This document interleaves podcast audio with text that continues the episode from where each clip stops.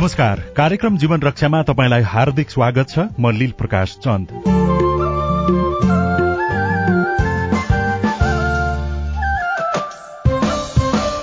सामाजिक शैक्षिक व्यावसायिक गतिविधि स्वास्थ्य सावधानी समसामयिक राजनैतिक परिवेशको बारेमा यो कार्यक्रममा हामी छलफल गर्छौं। सामुदायिक रेडियो प्रसारक संघ अकोराबद्वारा संचालित सीआईएनको प्रस्तुति यो कार्यक्रम जीवन रक्षा।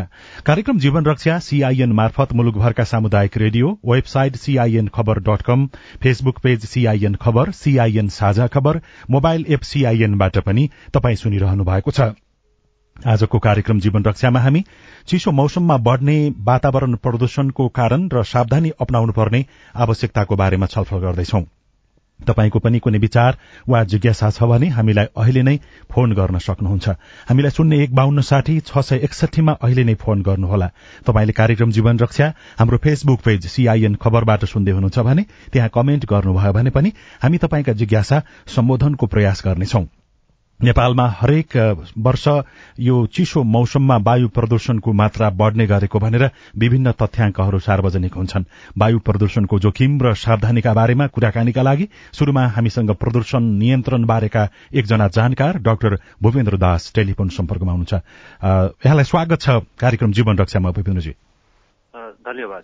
यो सबैभन्दा शुरूमा त चिसो मौसमको शुरूआत हुँदै गर्दाखेरि वायु प्रदूषणको मात्रा बढ़्यो। काठमाडौँ त अझ अझ धेरै सबभन्दा खतरनाक वायु प्रदूषणको स्थिति हुने शहरको सूचीमा पर्यो भनेर पनि हरेक वर्ष दोहोरिन्छ। यो किन चिसो मौसममा यो हरेक वर्ष यो कुरा आउने गरेको? यहीँबाट अगाडि बढौँ। यसमा चाहिँ धेरै कारणहरू छन् कि। सबभन्दा पहिला के बुझ्नुपर्छ यो हाम्रो काठमाडौँ भ्याली भनेको चाहिँ बल सेपको हो कि? त्यो भनेको चाहिँ कचौरा आकारको अर्को चाहिँ के छ भने चिसोयाम चिसोयाममा चाहिँ तलको जुन भाग छ नि त्यो भनेको जहिले पनि के हुन्छ भने वाटर ड्रपलेट्स बढी हुन्छ कि चिसोको भागमा चाहिँ। होइन? अनि त्यहाँ गएर के हुन्छ प्रदूषणको तत्व वा कणहरू गएर चाहिँ अड्केर बसिरहेको हुन्छ कि त्यो छर्न पाउँदैन। अनि त्यसपछिको चाहिँ अर्को कारण भने के हुन्छ भने हाम्रो आन्तरिक स्रोत पनि हो कि जस्तै जाडो मौसममा चाहिँ प्रायः जस्तो आगो ताप्ने चलन छ। र आगो ताप्ने चलन भन्दा पनि यसमा चाहिँ के जोड्न सकिन्छ भने खुला रूपमा खुला रूपमा चाहिँ तपाईँको फर्मुला जलाइन्छ र स्पेसिफिकली हामीले चाहिँ गाउँघरतिर पनि हेऱ्यो भने यो प्लास्टिक जन्य वस्तुहरूलाई चाहिँ जलाएर चाहिँ आगो ताप्ने गरिन्छ। र काठमाडौँ भ्यालीमा पनि जस्तै तपाईँको चाहिँ जसको सोसियो इकोनोमिक कन्डिसन पुवर छ होइन जस्तै तपाईँको स्क्वाटर सेटलमेन्टहरू भयो जहाँ चाहिँ तपाईँको दैनिक रोजी अब दैनिक जीवन निर्वाह गर्नेहरूको लागि चाहिँ अब उनीहरूसँग विकल्प विकल्पहरू कुनै कुनै छैन। त्यसैले चाहिँ कर्मेला जलाएर चाहिँ आगो ताप्ने गरिन्छ होइन? त्यो एउटा कारण हो। अब केही दिनमा चाहिँ इटा भट्टाहरूको पनि चाहिँ एउटा बुम हुँदैछ कि भने सञ्चालनमा आउँदैछ। त्यसले गर्दा पनि झन् थप्दैछ होइन? र कन्स्ट्रक्सन डेमोलेसन्स पनि व्यापक रूपमा अहिले चाहिँ काठमाडौँ भ्यालीमा चाहिँ बढेको छ अहिले चाहिँ जति पहिला हुन्थ्यो त्योभन्दा धेरै गुणा बढिसक्यो। किन जनसङ्ख्याको विधि हेरियो भने काठमाडौँ निकै बढेको छ।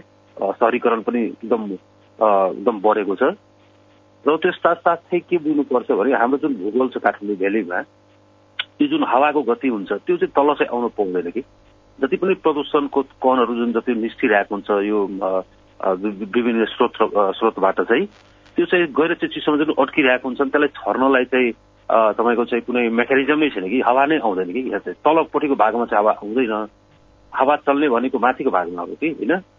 त्यसैले मैले इन्डाइरेक्टलीलाई भन्दाखेरि के भन्न चाहन्छु भने अहिलेको बेलामा चाहिँ टेम्परेचर इन्भर्सन बढी चाहिँ काठमाडौँ भएको देखिन्छ कि होइन? अब यहाँनिर जस्तो यो काठमाडौँ उपत्यकाको बढी चर्चा भएर अरू शहरमा खासै समस्या अथवा त्यहाँको हावाको त्यो स्तर चाहिँ राम्रै भएर त्यति धेरै चर्चा नभएको हो कि? काठमाडौँ उपत्यका बाहिरका शहरमा पनि सावधानी अप्नाउन आवश्यक छ। त्यहाँको हावामा त्यो प्रदूषणको मात्रा धेरै नै छ। के भन्न सकिन्छ?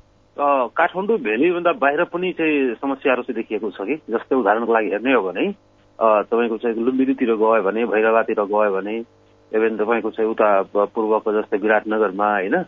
देखिन्छ कि? यो हाम्रो चाहिँ यो बोर्डर लाइनमा भएका जुन जिल्लाहरू छन् नि होइन? इन्डियाको बोर्डर लाइनमा बिहारतिरको बोर्डर लाइनमा इभन उत्तर प्रदेशको बोर्डर लाइन एरियाहरूमा चाहिँ निकै प्रदूषणको लेभल पनि बढेको छ। र अहिलेको बेला पनि के छ भने इन्डियामा चाहिँ जस्तै हरियाणा पन्जाबमा चाहिँ पराल जलाउने चलन छ कि? त्यहाँ पनि निकै तपाईँको पराल जलाइन्छ। र त्यो परालको जुन कणहरू हुन्छ नेपालमा पनि आइपुगेको छ भने हाम्रो अनुमान छ। किन भनेको तपाईँको त्यहाँ गएर हेर्नुहोस् है हाम्रो आफ्नो स्रोत छ छँदैछ तर यतिखेर नै तपाईँको चाहिँ बढी प्रदूषण बढ्छ कि? अरू त कुनै हामीसँग स्रोतै छैन नि त। त्यो आउने भनेको उतैबाट के आएको हो भन्ने हाम्रो चाहिँ अनुमान छ होइन? आफ्नो पनि एउटा स्रोत छ कि? तर के छ भनेको बाहिर चाहिँ बाहिरको अवस्था हेऱ्यो भने त्यहाँ के हुन्छ काठमाडौँ भेली जस्तै तपाईँको चाहिँ त्यो त्यस्तो आकारको चाहिँ त्यो भूगोल छैन कि? त्यहाँ हावा चल्छन् होइन? त्यसले गर्दा के हुन्छ प्रदूषणको चाहिँ जुन छ नि मात्रा चाहिँ घट्दै हुन्छ बढ्छ घट्छ बढ्छ घट्छ होइन? तर यहाँ काठमाडौँ भेलीमा के छ भनेको यहाँ चाहिँ जुन एटमोस्फियर कन्डिसन हुन्छ नि एटमोस्फियर कन्डिसन त्यो चाहिँ मोरलेस स्टेबल हुन्छ कि? होइन? खासै हावा पनि चल्दैन। र पानीको पनि हेर्नु पानीको पराइ अवस्था हेऱ्यो भने विन्टर रेन चाहिँ लगभग तिस प्रतिशत भन्दा बढी नै भनी झरिसकेको छ कि होइन? जति पहिला पानी पर्थ्यो विन्टर टाइममा त्यो पानी चाहिँ अब खासै चाहिँ त्यति पर्दैन अहिले। त्यसले गर्दा जुन फ्लसिङ हुनुपर्ने हो जुन वायु प्रदूषणको कणहरू जुन आकाश छरिरहेको हुन्छ नि त्यो चाहिँ तल आउनै पाउँदैन कि होइन? त्यो पनि एउटा समस्या हो कि। किन यस समग्रमा चाहिँ बढी चाहिँ फेभर गरेको कि अब त्यसो भए यसको नियन्त्रणको लागि हुन त कतिपय कुरा तपाईँले यो प्राकृतिक कारणसँग लिनुभयो जसको नियन्त्रण गर्ने त्यो हैसियत मानव समुदाय अथवा हामीसँग नहुन सक्छ तर कृत्रिम रूपमा मानव व्यवहारको कारणले जुन असर परिराखेको छ त्यसलाई घटाउनको लागि अथवा कम गर्नको लागि के के गर्नु पर्यो हामीले सबभन्दा पहिला के बुझ्नु पर्यो? यो जुन वायु प्रदूषण हुन्छ दुई थरीको कारणबाट हुन्छ। एउटा चाहिँ मानवको क्रियाकलापले गर्दा हुन्छ अर्को चाहिँ नेचुरल हो कि होइन? नेचुरल हामीले घटाउन सक्दैनौँ। जे छ त्यो भइरहन्छ नै हो प्रकृतिको अनुसार नै चलिरहन्छ। तर मानवबाट जुन क्रियाकलापहरू जस्तै मैले अघि नै भन्यो भनेको थिएँ भर्खरै जस्तै आगो ताप्ने गर्छ प्लास्टिक जन्य वस्तु बालेर होइन? तराईतिर गयो भने त्यहाँ पनि त्यो घुर भन्छ कि त्यो परालमा आग लागि गरेर चाहिँ आगो ताप्ने गरिन्छ। धेरै ठाउँहरूमा हामी चाहिँ जहाँ वन जङ्गलको मतलब सङ्ख्या बढी छन् होइन त्यहाँ गएर हेर्नुहोस् तपाईँ दाउरा बालेर आगो ताप्ने गरिन्छ होइन भनेपछि जहाँ जे स्रोत छ त्यहाँ प्रयोग चाहिँ गरेर बालिने गरिन्छ भनेपछि हाम्रो बुझाइ के छ भनेको यस्ता खालको स्रोतहरूले चाहिँ वायु प्रदूषणलाई बढावा दिने गर्छ होइन त्यसैले हामीले सकेसम्म अहिलेको बेलामा चाहिँ न्यानो सिरक हामीले चाहिँ प्रयोग गर्नुपर्छ सकेसम्म धेरै हामीले बाहिर पनि हिँडुल चाहिँ गर्नु हुँदैन चिसो याममा बेलामा चाहिँ अनि लुगा पनि त्यति मोटो खालको लुगाहरू चाहिँ लाउने होइन र हिटरमा यदि आगो नै ताप्नु परे पनि सकेसम्म हामीले हिटर प्रयोग गर्नुपर्छ। हिटर भयो ब्रिकेट पनि केही हदसम्म प्रयोग गर्न सकिन्छ नहुने होइन तर जति पनि यो क्रियाकलाप हुन्छ यो वायु प्रदूषणलाई बर्बाद दिने अरू क्रियाकलाप जस्तो उदाहरणको लागि हेर्ने हो भने यातायात सवारी साधनबाट पनि चाहिँ निकै चाहिँ आउँछ कि होइन अब टाइमली तपाईँको भेकल रिपेयरिङ एन्ड सर्भिसिङ गर्नु भएको छैन भने गाडीबाट चाहिँ निकै धुवाहरू निस्किन्छ र धुवा निस्किएपछि यसको कम पनि त्यतिकै त्यही अनुसार चाहिँ तपाईँको निस्किन्छ। जस्तो यहाँनिर अब सावधानी अपनाउने सन्दर्भमा अब बिहान बिहानै पनि व्यक्तिहरू सड़कमा त्यो बिहानी पक्कको हिँडुलको लागि दौडिराखेको देखिन्छ। साँझ पक्क पनि त्यस्तै गतिविधिहरू छ होइन? अब यदि यो अहिलेको त्यो बेलामा कुन जुन समयमा नागरिकको गतिविधि चहल पहल बढी हुने हो त्यो समयमा यो वायुमा प्रदूषणको मात्रा कति छ भन्ने कुरा त कहीँ पनि उल्लेख हुँदैन तर सावधानी त अप्नाउनु पर्यो जस्तो मास्क लगाउने कुरा यसमा के के ध्यान दिन आवश्यक छ? यसमा सबभन्दा पहिला के बुझ्नुपर्छ भने कि प्रदूषणको जुन लेभल हुन्छ नि होइन अहिले पनि एयर क्वालिटी इन्डेक्स हेर्नुहोस् अहिले तपाईँको चाहिँ अनहेल्दी नै रहेछ कि भर्खरै मैले हेरेको पनि थिएँ होइन। भनेको मर्निङको टाइममा भनेको जस्तो मान्छेको बढी क्रियाकलाप भनेको एक्सर्साइज बढी गर्छन् मर्निङ टाइममा कि? होइन दौड्ने गर्ने थरी थरीका चाहिँ तपाईँको चाहिँ क्रियाकलाप हुन्छ। जस्तै अब अहिले भर्खर जुन एक्सर्साइज मैले भने नि त्यो एक्सर्साइज गर्नु गर्छ। कति चाहिँ तपाईँको चाहिँ काम गर्नुको लागि बिहानै निस्किरहेको हुन्छ कति तपाईँ विद्यार्थी बिहानै क्लास सञ्चालित हुन्छन् होइन? तपाईँको बिहानको टाइममा सबभन्दा पिक भनेको चाहिँ वायु प्रदूषणको चाहिँ बिहानै हुन्छ। अहिलेको बेला नै हुन्छ कि? र कति ठाउँमा तपाईँको बिहानै उठेर चाहिँ आगो पनि ताप्ने चल्नुहुन्छ कि? यस्ता क्रियाकलापहरू चाहिँ तपाईँको बढी देखिन्छ। होइन त्यसैले हामीले के गर्नुपर्छ भने यदि यदि हामी बाहिर निस्किनु नै पर्ने हुन्छ होइन काम गर्ने जानै पर्ने हुन्छ भने सकेसम्म मास्क प्रयोग चाहिँ गर्नै पर्ने हुन्छ होइन सकेसम्म त्यसरी चाहिँ हामी खुला रूपमा त्यसरी चाहिँ हिँडुल गर्दाखेरि चाहिँ एउटा मास्क गरेर अर्को कुरा चाहिँ के बुझ्नु पर्यो चाहिँ तपाईँ चाहिँ जति पनि यस्ता क्रियाकलापहरू हुन्छ नि त्यसलाई बढुवा दिने भनेको चाहिँ खुला रूपमा लागि नै भएर हो कि होइन?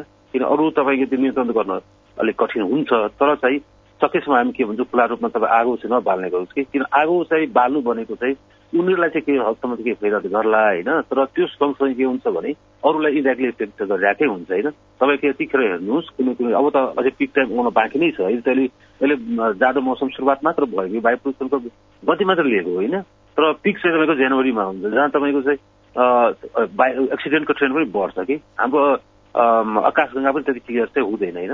एक्सिडेन्ट हुने चान्स बढी हाई हुन्छ। बिहानै तपाईँ दौड्दाखेरि मर्निङ वाक गर्दाखेरि एक्सिडेन्ट भएको मान्छे मरेको समेत हामी घटनाहरू धेरै पाइरहेको हुन्छौँ कि होइन? र यो आउने कहाँबाट त?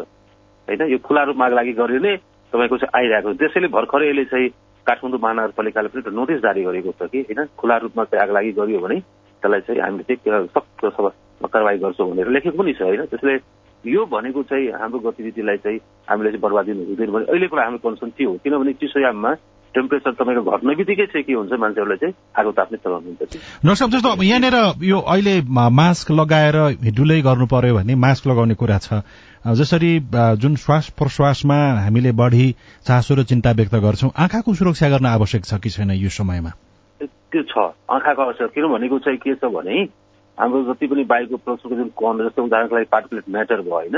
पार्कुलेट म्याटर हुन्छ। अरू पनि तपाईँको चाहिँ त्यसबाट चाहिँ इरिटेट टाइपको चाहिँ पोल्युटेन्स वा चाहिँ कणहरू निस्किरहेको हुन्छ कि वायु प्रदूषण भनेकै त्यो पनि एउटा हो कि होइन? अब सिधै तपाईँ आँखामा चाहिँ एक्सपोज भयो भने जस्तै ट्रेनिङ इफेक्ट हुनसक्छ होइन? जस्तै आँखाबाट घाँस आउने होइन? र कति बेला तपाईँको चाहिँ के हुन्छ भने लामो चाहिँ ट्रेनिङ इफेक्ट भयो भने त ब्लाइन्ड पनि हुनसक्छ होइन? त्यसैले यो लेभल अफ पोल्युटेन्स कति छ त्यसमा भर पर्छ कि होइन? अहिले सुरुवात मात्र भयो। जस्तै हामीले भर्खरै न्युज एक डेढ महिना अगाडि न्युज पनि आएको थियो। तपाईँको दसैँ र तिहारको बेला तिहारको बेलामा स्पेसली चल्दै न्यु दिल्लीमा चाहिँ कस्तो अवस्था आएको थियो भन्नुहोस् पुरै स्कुलहरू चाहिँ क्लोजर थियो होइन? अनि त्यहाँबाट सरकारले चाहिँ पचास प्रतिशत गाडीहरू मात्र चल्न दिने त्यस्ता खाद्य गरेको थियो होइन? अनि जति पनि वायु हुने स्रोतहरू हुन्छन् होइन त्यसलाई चाहिँ एकदम बन्दै गर्ने एकदम स्ट्रिक्टली एक्सन नै लिएको थियो होइन। अहिले पनि त्यही लेभलमा चलिरहेको छ अनि नेपालको सन्दर्भमा जुन यो जुन सरोकारवाला निकायले जब प्रदूषणको मात्रा अत्यधिक हुन्छ त्यतिखेर वातावरण मन्त्रालयले सूचना निकालेर बिहान सबेर नहिँड्नु मास्क लगाउनु अथवा सावधानी अपनाउनु भनेर सूचना निकालेको त हामीले पढ्न पायौं सुन्न पायौं विगतको दिनहरूमा होइन।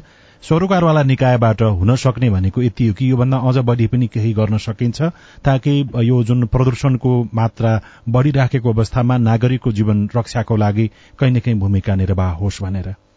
यो अवेरनेस भनेको त्यो भनेको जुन सूचना निकाल्नु भने कि किसिमको मान्छेले अवेर मात्र गराएको कि एउटा स्टेप मात्र हो त्यो कि त्यो पुरा चाहिँ होइन कि र यसले पुरा कन्ट्रोल पनि हुँदैन। यसले मान्छेहरूलाई जनचेतना दियो यस्तो गरेर यस्तो हुन्छ अब गर्नेहरूले गर्छन् नगर्नेले गर्दैन कि त्यसको कुनै हार एन्ड फास्ट चाहिँ छैन। होइन जनताले यस्तै गर्नै पर्छ मान्छेले यस्तो गर्नै पर्छ भनेर त्यस्तो खालको चाहिँ सूचनाहरू पनि खालि एउटा अवेर गराएको आबद्ध गराएको उनीहरूलाई चाहिँ यस्तो छ है। तपाईँहरू अब सजान हुनुहोस् फर्मुलाहरू नजलाउनुहोस् कृषि अवशेष नजलाउनुहोस् होइन। खुला रूपमा नबाल्नुहोस् भने त्यस्ता खालको चाहिँ अवेर गराएको हो। र यदि चाहिँ गर्ने नै चाहने हो भने धेरै कुराहरू त्यो के के गर्न सकिन्छ? हामी एकैछिनमा फेरि कुराकानी गर्नेछौँ। अहिले हामीसँग कोही टेलिफोन सम्पर्कमा हुनुहुन्छ जिज्ञासा केही प्रश्न लिएर आउनु भएको छ। उहाँको प्रश्न छोटकरीमा सुनौ त्यसपछि हाम्रो कुराकानी अगाडि बढाउनेछौँ। हेलो। हेलो नमस्कार हजुर। म सिन्धुपाल्चोकबाट कृष्ण बानी हजुर। के छ? तपाईँको प्रश्न विचार राख्नुहोस् छोटकरीमा। विषय के हो भन्दाखेरि अब यो आगो सार्वजनिक रूपमा कुनै पनि आगो बाल्ने अथवा आगोलाई चाहिने भनौँ न अब त्यो खालको चाहिने आगो ताप्ने त्यो किसिमको वातावरण नगर्न भनेर आह्वान भएको छ। अब विशेष गरेर अब वडा कार्यालयबाट निस्केका फोहोरहरू काट्न पर्ने जलाउन पर्ने त्यो कुरा चाहिँ नि हामीले छुट्याएका छौँ। अब त्यसलाई जलाउनेलाई जलाउनु पर्यो गाड्नेलाई गाड्न पर्यो। अब आगै नबाल्नु सार्वजनिक स्तरमा भनेर चाहिँ आह्वान गरिन्छ। अब तातो कुरो त अब अलिकति कठिन आएको मानव मानव प्राणीलाई अलिकति आगो बाल्न पर्ने पर्ने हुन्छ त्यो विषयमा चाहिँ अब वास्तविकता बुझेर मात्रै आह्वान गर्ने हो कि कस्तो हो यो आगो चाहिँ जलाउनु पर्ने त जलाउनु पर्ने हुन्छ त्यो कुरो चाहिँ कसरी हुन्छ भनेर सोध्न खोज्यो अनि तपाईँको तपाईँको अलिकति त्यहाँको अभ्यास बारेमा बताउनुहोस् न। गाउँघरमा यो आगो बालेर त्यो दाउरा बालेर आगो ताप्ने कतिको परिपाटी पहिलेको भन्दा बढ्दैछ कि घट्दैछ अहिले? सार्वजनिक स्थानमा आगो बाल्ने क्रम युवाहरूको एउटा जमातले एउटा चौरमा एउटा आफ्नो चाहिने छलफल र मिटिङ बस्दाखेरि भएका चाहिने जुन ठुटा ठाटीहरू हो सुकेका दाउराहरू ल्याएर उनीहरू बाल्ने सक्ने अवस्था छ। अब मैले पनि वडा कार्यालयमा काम गरेको सबै फोहोरहरू छुट्याएर बाल्नेलाई बाल्ने गाड्नेलाई गाल्ने गरेको छु मैले पनि। भने यो अवस्थामा सार्वजनिक स्तर राज्यले अब यो आगै नबाल्नु कारवाही हुन्छ भनेपछि हामी अप्ठ्यारोमा परेका छौँ। यो अवस्थामा चाहिँ कसरी चाहिँ छुट्याउने कसरी चाहिँ नि एउटा वायु प्रदूषण रोक्ने भन्ने कुराको लागि ठेट चाहिँ नि एउटा निर्देशन हुनु पर्यो। सीमित मात्रामा आगो लाउनुहोस् त्यसपछि अरू चाहिँ नि बाहिर चाहिँ अनावश्यक रूपमा आगो नबाल्नुहोस् भन्ने चाहिँ उचित होला भन्ने मेरो भनाइ हस् धेरै धन्यवाद छ। हामी तपाईँको यो विषयमा छलफल गर्छौँ। डाक्टर भूपेन्द्र उहाँले जुन एउटा अहिलेसम्म त स्थानीय सरकारहरूले पनि यो जाडो मौसममा यदि चिसो अत्याधिक भयो भने दाउरा लगेर चोक चोकमा बाँडिदिने। त्यो त सरकारकै अथवा स्थानीय सरकारले नै त्यस्तो निर्णय गरेर कार्यान्वयन गरिराखेका छन् भने अब त्यो नबालौं नागरिकको जीवन रक्षा नहुने स्थिति बालौं फेरि वायु प्रदूषण बढ्ने स्थिति भइराखेको अब विकल्प के के हुन सक्छ त्यस बारेमा हजुर हजुर यो एकदम राम्रो प्रश्न हो। यसै बारेमा बहस पनि हिजो नै हाम्रो एउटा यस्तो मेरो ठुलो एउटा चाहिँ हाम्रो चाहिँ पनि छलफल भएको थियो कि। यो यो यो चाहिँ एकदम रियालिटी हो ग्राउन्ड रुटमा आउने कुराहरू नै हो होइन? तर हामी उहाँलाई कन्सर्न के हामीले के हाम्रो कन्सर्न के रहेछ भने एउटा फ्रेङ्कली उहाँलाई हामीले भनिहाल्यौँ कि यसको चाहिँ हामीले अध्ययन चाहिँ गरिसकेका छौँ कि हाम्रो जस्तै तपाईँले प्लास्टिक जन्य वस्तु बाल्नु भयो भने वा आगो तपाईँको चाहिँ जन्य जति पनि स्रोतहरू छ यदि प्रयोग गर्नुभयो भने त्यसबाट धेरै हार्मफुल केमिकल्सहरू निस्किन्छ मतलब त्यसको पोल्युटेन्सहरू कनहरू निस्किन्छ। अब हामीले स्वास्थ्यलाई चासो दिने कि नदिने? हामीले स्वास्थ्यलाई प्रायोरिटी राख्ने नराख्ने त्यसमा कुरा हुन्छ कि? यसमा के छ भने कुनै चाहिँ तपाईँको चाहिँ इफेक्ट जुन हुन्छ नि असर चाहिँ तुरन्तै देखा पर्छ कुनै चाहिँ असर चाहिँ पछि आउने हुन्छ कि?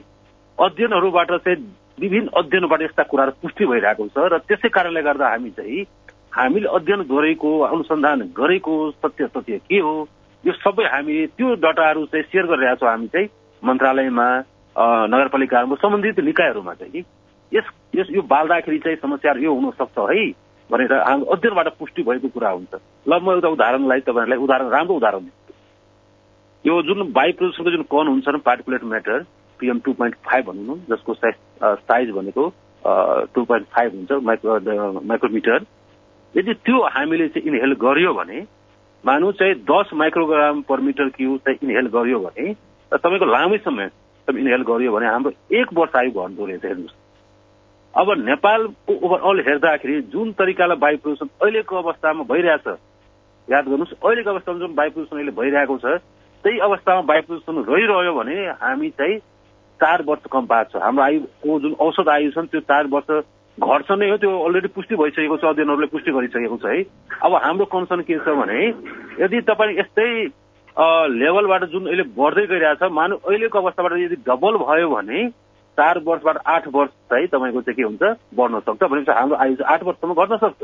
त्यसो भए अब चार वर्ष आयु कम बाँच्ने अथवा सावधानी अप्नाएर जथाभावी त्यो जुन प्रदूषण हुने गरी व्यवहार नगर्ने भन्ने कुरा त नागरिक सचेतनामा आवश्यक पर्ने भयो होइन त? हो। यो एउटा त्यस्तो क्षेत्र अर्को विकल्प पनि हामीले विकल्प पनि बाटो हामी दिन खोजिरहेछौँ। अब के छ भनेको हाम्रो यो कन्सर्न पनि छैन कि तपाईँहरू चाहिँ आगो नै बाल्ने कम्प्लिटली चाहिँ तपाईँ मतलब आगे नै नताप्ने त्यस्तो पनि होइन। किनभने चिसोयाम ताप्नु पर्छ होइन? तपाईँ स्वास्थ्य मान्छेको जीवनभन्दा ठुलो केही छैन। हेर्नुहोस् यताबाट पनि मान्छेलाई असर परिरहेछ र उताबाट पनि चिसोयाममा तपाईँले आगो ताप्नु भएन भने न्यानो गर्नु भएन भने के हुन्छ भने तपाईँको चाहिँ एउटा चिसोको चपेटमा पर्नु सक्छ मान्छे मर्न पनि सक्छ र चिसोको कारणले गर्दा मान्छे मरेको पनि पाइन्छ। धेरै तपाईँ शीतलहरीबाट पारेमा चाहिँ बारम्बार न्युजमा आइरहेको छ। त्यसैले हामीले के गर्न चाहन्छौँ? एउटा हाम्रो ठुलो एउटा आह्वान पनि छ सरकारले निकायहरूलाई पनि हामी आह्वान गर्न चाहन्छौँ कि यतिखेर कमसेकम यो जुन एक दुई महिना जुन छ नि जस्तै डिसेम्बर जनवरी फरवरी चाहिँ होइन कमसेकम तपाईँहरूलाई जनताहरूलाई राहत दिनुहोस्। हामीसँग फलाफल इलेक्ट्रिसिटी अहिले उत्पादन भइरहेको छ। हेर्नुहोस् न्युजमा बारम्बार आइरहेको छ कि हाम्रो चाहिँ उत्पादन बढ्दैछ तर खपत त्यो अनुसार भइरहेको छैन। भनेपछि यतिखेर किन लोकल लेभलमा जो जनसमुदायहरू चाहिँ गरिब छन् होइन? जुन तपाईँको चाहिँ गरिबभन्दा पनि तल वर्गको चाहिँ होइन? यदि सेटलमेन्टहरू छ भने त्यसलाई चाहिँ सब्सिडाइज केही रूपमा केही गरौँ? मानव दस रुपियाँ छ हामी इलेक्ट्रिसिटीको चाहिँ हामी पर युनिट हामी पे गर्छौँ भने कमसेकम पाँच रुपियाँ चार रुपियाँ जति हुन्छ सकेसम्म यो डेढ दुई महिनालाई गरौँ हामी चाहिँ। किन भनेको यदि वायु प्रदूषण हामी नियन्त्रण गर्ने भने अर्को चपेटमा पर्छौँ यदि गरेन भने यदि तपाईँ त्यस्तै छोडिदियो भने होइन? जनतालाई पनि अब तपाईँ आफ्नै राजी खुसीले गर भनेर छोडिदियो भने पनि जुन मैले अहिले भर्खरै भनेको थिएँ नि जुन चार वर्ष हाम्रो आयु घट्छ त्यो बढ्दै जाने क्रम छ र यो एक टुर यस्तो पनि अवस्था हुन्छ कि मान्छेहरूले चाहिँ जुन अहिले जस्तै तपाईँको बिरामीहरूको गएर ट्रेन हेर्नुहोस् अहिले हस्पिटलमा दमको रोग बढिरहेको छ है? दमको रोगी बढिरहेछ तपाईँ त्यो त्यो सँगै सँगै अस्थमा ट्याक बढी भइरहेछ डाक्टर भूपेन्द्र समग्रमा स्थानीय सरकारले बिजुलीबाट राहत दिने व्यवस्था गर्नु पर्यो भन्ने तपाईँको साथ। एउटा एउटा तर्क त्यो हो। अर्को तर्क म अघि नै भनिसकेछु। सबैसम्म यतिखेर तपाईँ न्यानो लुगा लगाउनु। हस्। सिरकमा तपाईँ बढिसकेसम्म टाइम बित्नु सिरकमै बढी बस्नुहोस्। वा चाहिँ तपाईँले बाहिर नै निस्किँदाखेरि अलि मोटो खालको ज्याकेटहरू भयो कानलाई छोप्ने तपाईँको टोपी भयो होइन? मोजा लगाउनुहोस् होइन? सकेसम्म दुईवटा तिनवटा लुगा जति हुन्छ त्यति लगाउनुहोस् होइन? यो भनेको चाहिँ हाम्रो लागि यो समय भनेको यो सर्ट समय हो कि? यो डाक्टर धेरै धन्यवाद छ। हामी फेरि यहाँहरूसँग निरन्तर रूपमा चाहिँ कुराकानी गरिराख्नेछौँ। आजको लागि यो समय दिनुभयो। कुराकानीको लागि धेरै धन्यवाद छ यहाँलाई। वायु प्रदूषण नियन्त्रण बारेका एकजना जानकार डाक्टर भूपेन्द्र दास हामीसँग हुनुहुन्थ्यो। कार्यक्रम जीवन रक्षामा छौं। अब फेरि जीवन रक्षाको आजको अंकमा खास गरी पशु चिकित्सक एकजना हामीसँग विज्ञ डाक्टर रामचन्द्र सापकोटा अहिले टेलिफोन सम्पर्कमा हुनुहुन्छ। डाक्टर साहब स्वागत छ कार्यक्रम जीवन रक्षामा यहाँलाई। हजुर नमस्कार धन्यवाद हजुर। अब तपाईँसँग कुराकानी गर्न खोजेको विषय भनेको आज हिजोदेखि नै अलि बढ़ी चर्चा भइराखेको छ। काभ्रेको एउटा गाउँ जहाँ महाभारतमा एउटा गाईबाट दुहेको दूध पञ्चामृतको रूपमा प्रयोग गरियो। तर त्यो पञ्चामृत पूजामा खाइसकेपछि पछि के पुष्टि भयो भने त्यो गाईमा रेबिज थियो। र त्यो क्षेत्रमा एउटा त्रास र एक प्रकारको अहिले सिङ्गो बस्ती नै त्यो त्रासमा भएको अवस्थामा के त्यस्तो स्थितिमा हामीले कति कसरी सावधानी अप्नाउने हामीले उपचार कसरी गर्ने भन्ने बारेमा कुराकानी गर्दैछौ के छ स्थिति तपाईँको यस बारेमा धारणा के हो? अब यस्तो खालको केस बेला बेलामा विभिन्न जिल्लामा घटिरहेको अर्थ छ। पहिलामा दोलखामा गायत्रमा पनि यस्तै खालको केस थियो होइन। अब साधारणतया अब दुधबाट रेबिज सर्ने भनेको असाध्यै न्यून न्यून एकदमै धेरै न्यून सम्भावना भएको कुरा हो होइन। रेबिज सर्ने भनेको चाहिँ प्रत्यक्ष टोकाइबाट रेलबाट होइन सर्ने हो। अब पञ्चामृत पञ्चामृत खाँदा चाहिँ हामीले काँचो दुध प्रयोग गर्ने भएको हुनाले त्यहाँ मान्छेलाई अलिकति डर त्रास भएको हुनसक्छ। अब यो विषयमा चाहिँ नजिकको स्वास्थ्य कार्यालयमा जनस्वास्थ्य कार्यालयमा गएर एकखेर हामीले त्यहाँ परामर्श लिँदा सबैभन्दा राम्रो चाहिँ उपाय हुन्छ। भनेको काँचो काँचो दुधबाट रेबिज सर्दैन भनेर नकार्न पनि सकिँदैन। सर्छ भनेर ठ्याक्कै निश्चित गर्न पनि नमिल्ने अवस्था हो। हजुर सर्ने सम्भावना चाहिँ एकदमै कम हुन्छ एकदमै कम हुन्छ। दुधमा चाहिँ लगभग आउँदैन भन्ने हो रेबिजको भाइरस। रेबिजको भाइरस धेरै डिस्चार्ज हुने भनेको चाहिँ मुखबाट रेलबाट नै हो होइन? अब यद्यपि एकदम काहीँ काहीँ रिसर्चहरूले चाहिँ त्यस्तो अब अपवादमा देखाएको हुनसक्छ त्यस्तो कुराहरू चाहिँ दुधबाट सर्नु सक्छ भन्ने कुरा।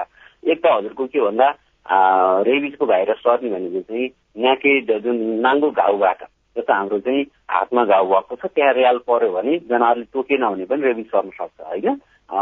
रेबिज पोलिसी भएको एनिमलको चाहिँ रेल पर्यो भने त्यस्तै चाहिँ हामीले हाम्रो चाहिँ जुन डाइजेस्टिभ सिस्टममा चाहिँ घाउ छ अल्सर छ भने र रेबिजको भाइरस दुधमा छ भने मात्रै सर्ने सम्भावना हो। अनि फेरि हामीले बुझ्नुपर्ने कुरा के छ भन्दा रेबिजको भाइरस धेरै समयसम्म बाहिर बाँच्न सक्दैन एकदमै कमजोर खालको भाइरस हुन्छ होइन? त्यो हुनाले चाहिँ धेरै तातो पनि सहन सक्दैन बाहिर धेरै बाँच्न पनि सक्दैन। त्यो हिसाबमा दुधबाट सर्ने सम्भावना चाहिँ लगभग रिसर्चले धेरै ठाउँमा चाहिँ एकदम कम छ नै भन्छ। तैपनि हामीले अब खाइसक्यौँ पञ्चामृत सेवन गरिसक्यौँ। एकखेर गएर हामीले नजिकको चाहिँ जनस्वास्थ्यको कार्यालयहरूमा गएर त्यहाँ परामर्श लिनलाई चाहिँ म सबैलाई सुझाव दिन चाहन्छु।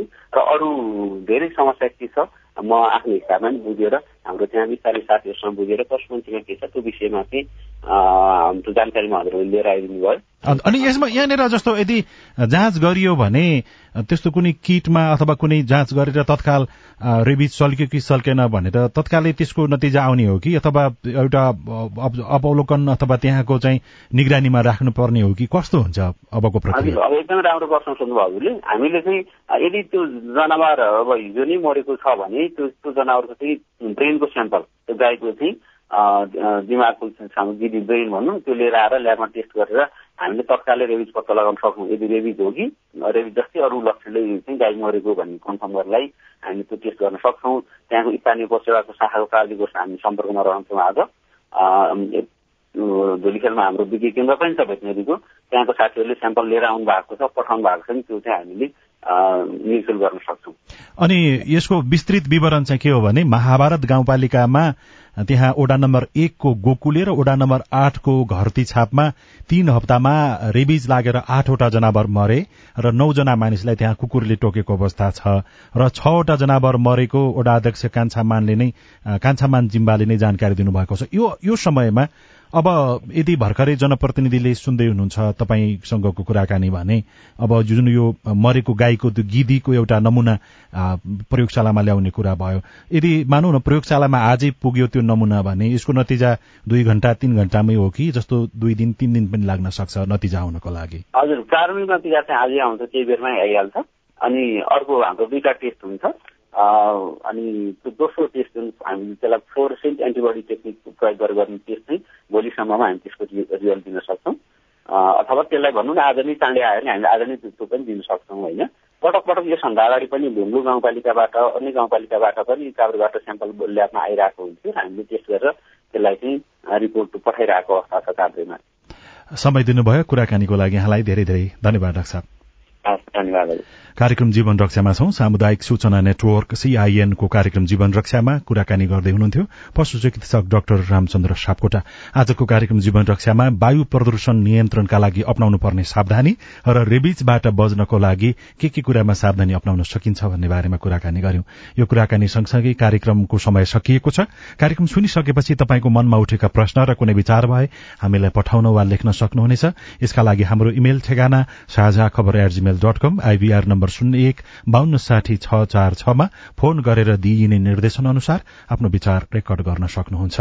प्राविधिक साथी सुनिल राज भारतलाई धन्यवाद दिँदै रेडियो कार्यक्रम जीवन रक्षाको आजको अङ्कबाट हामी सबै विदा हुन्छौ। नमस्कार।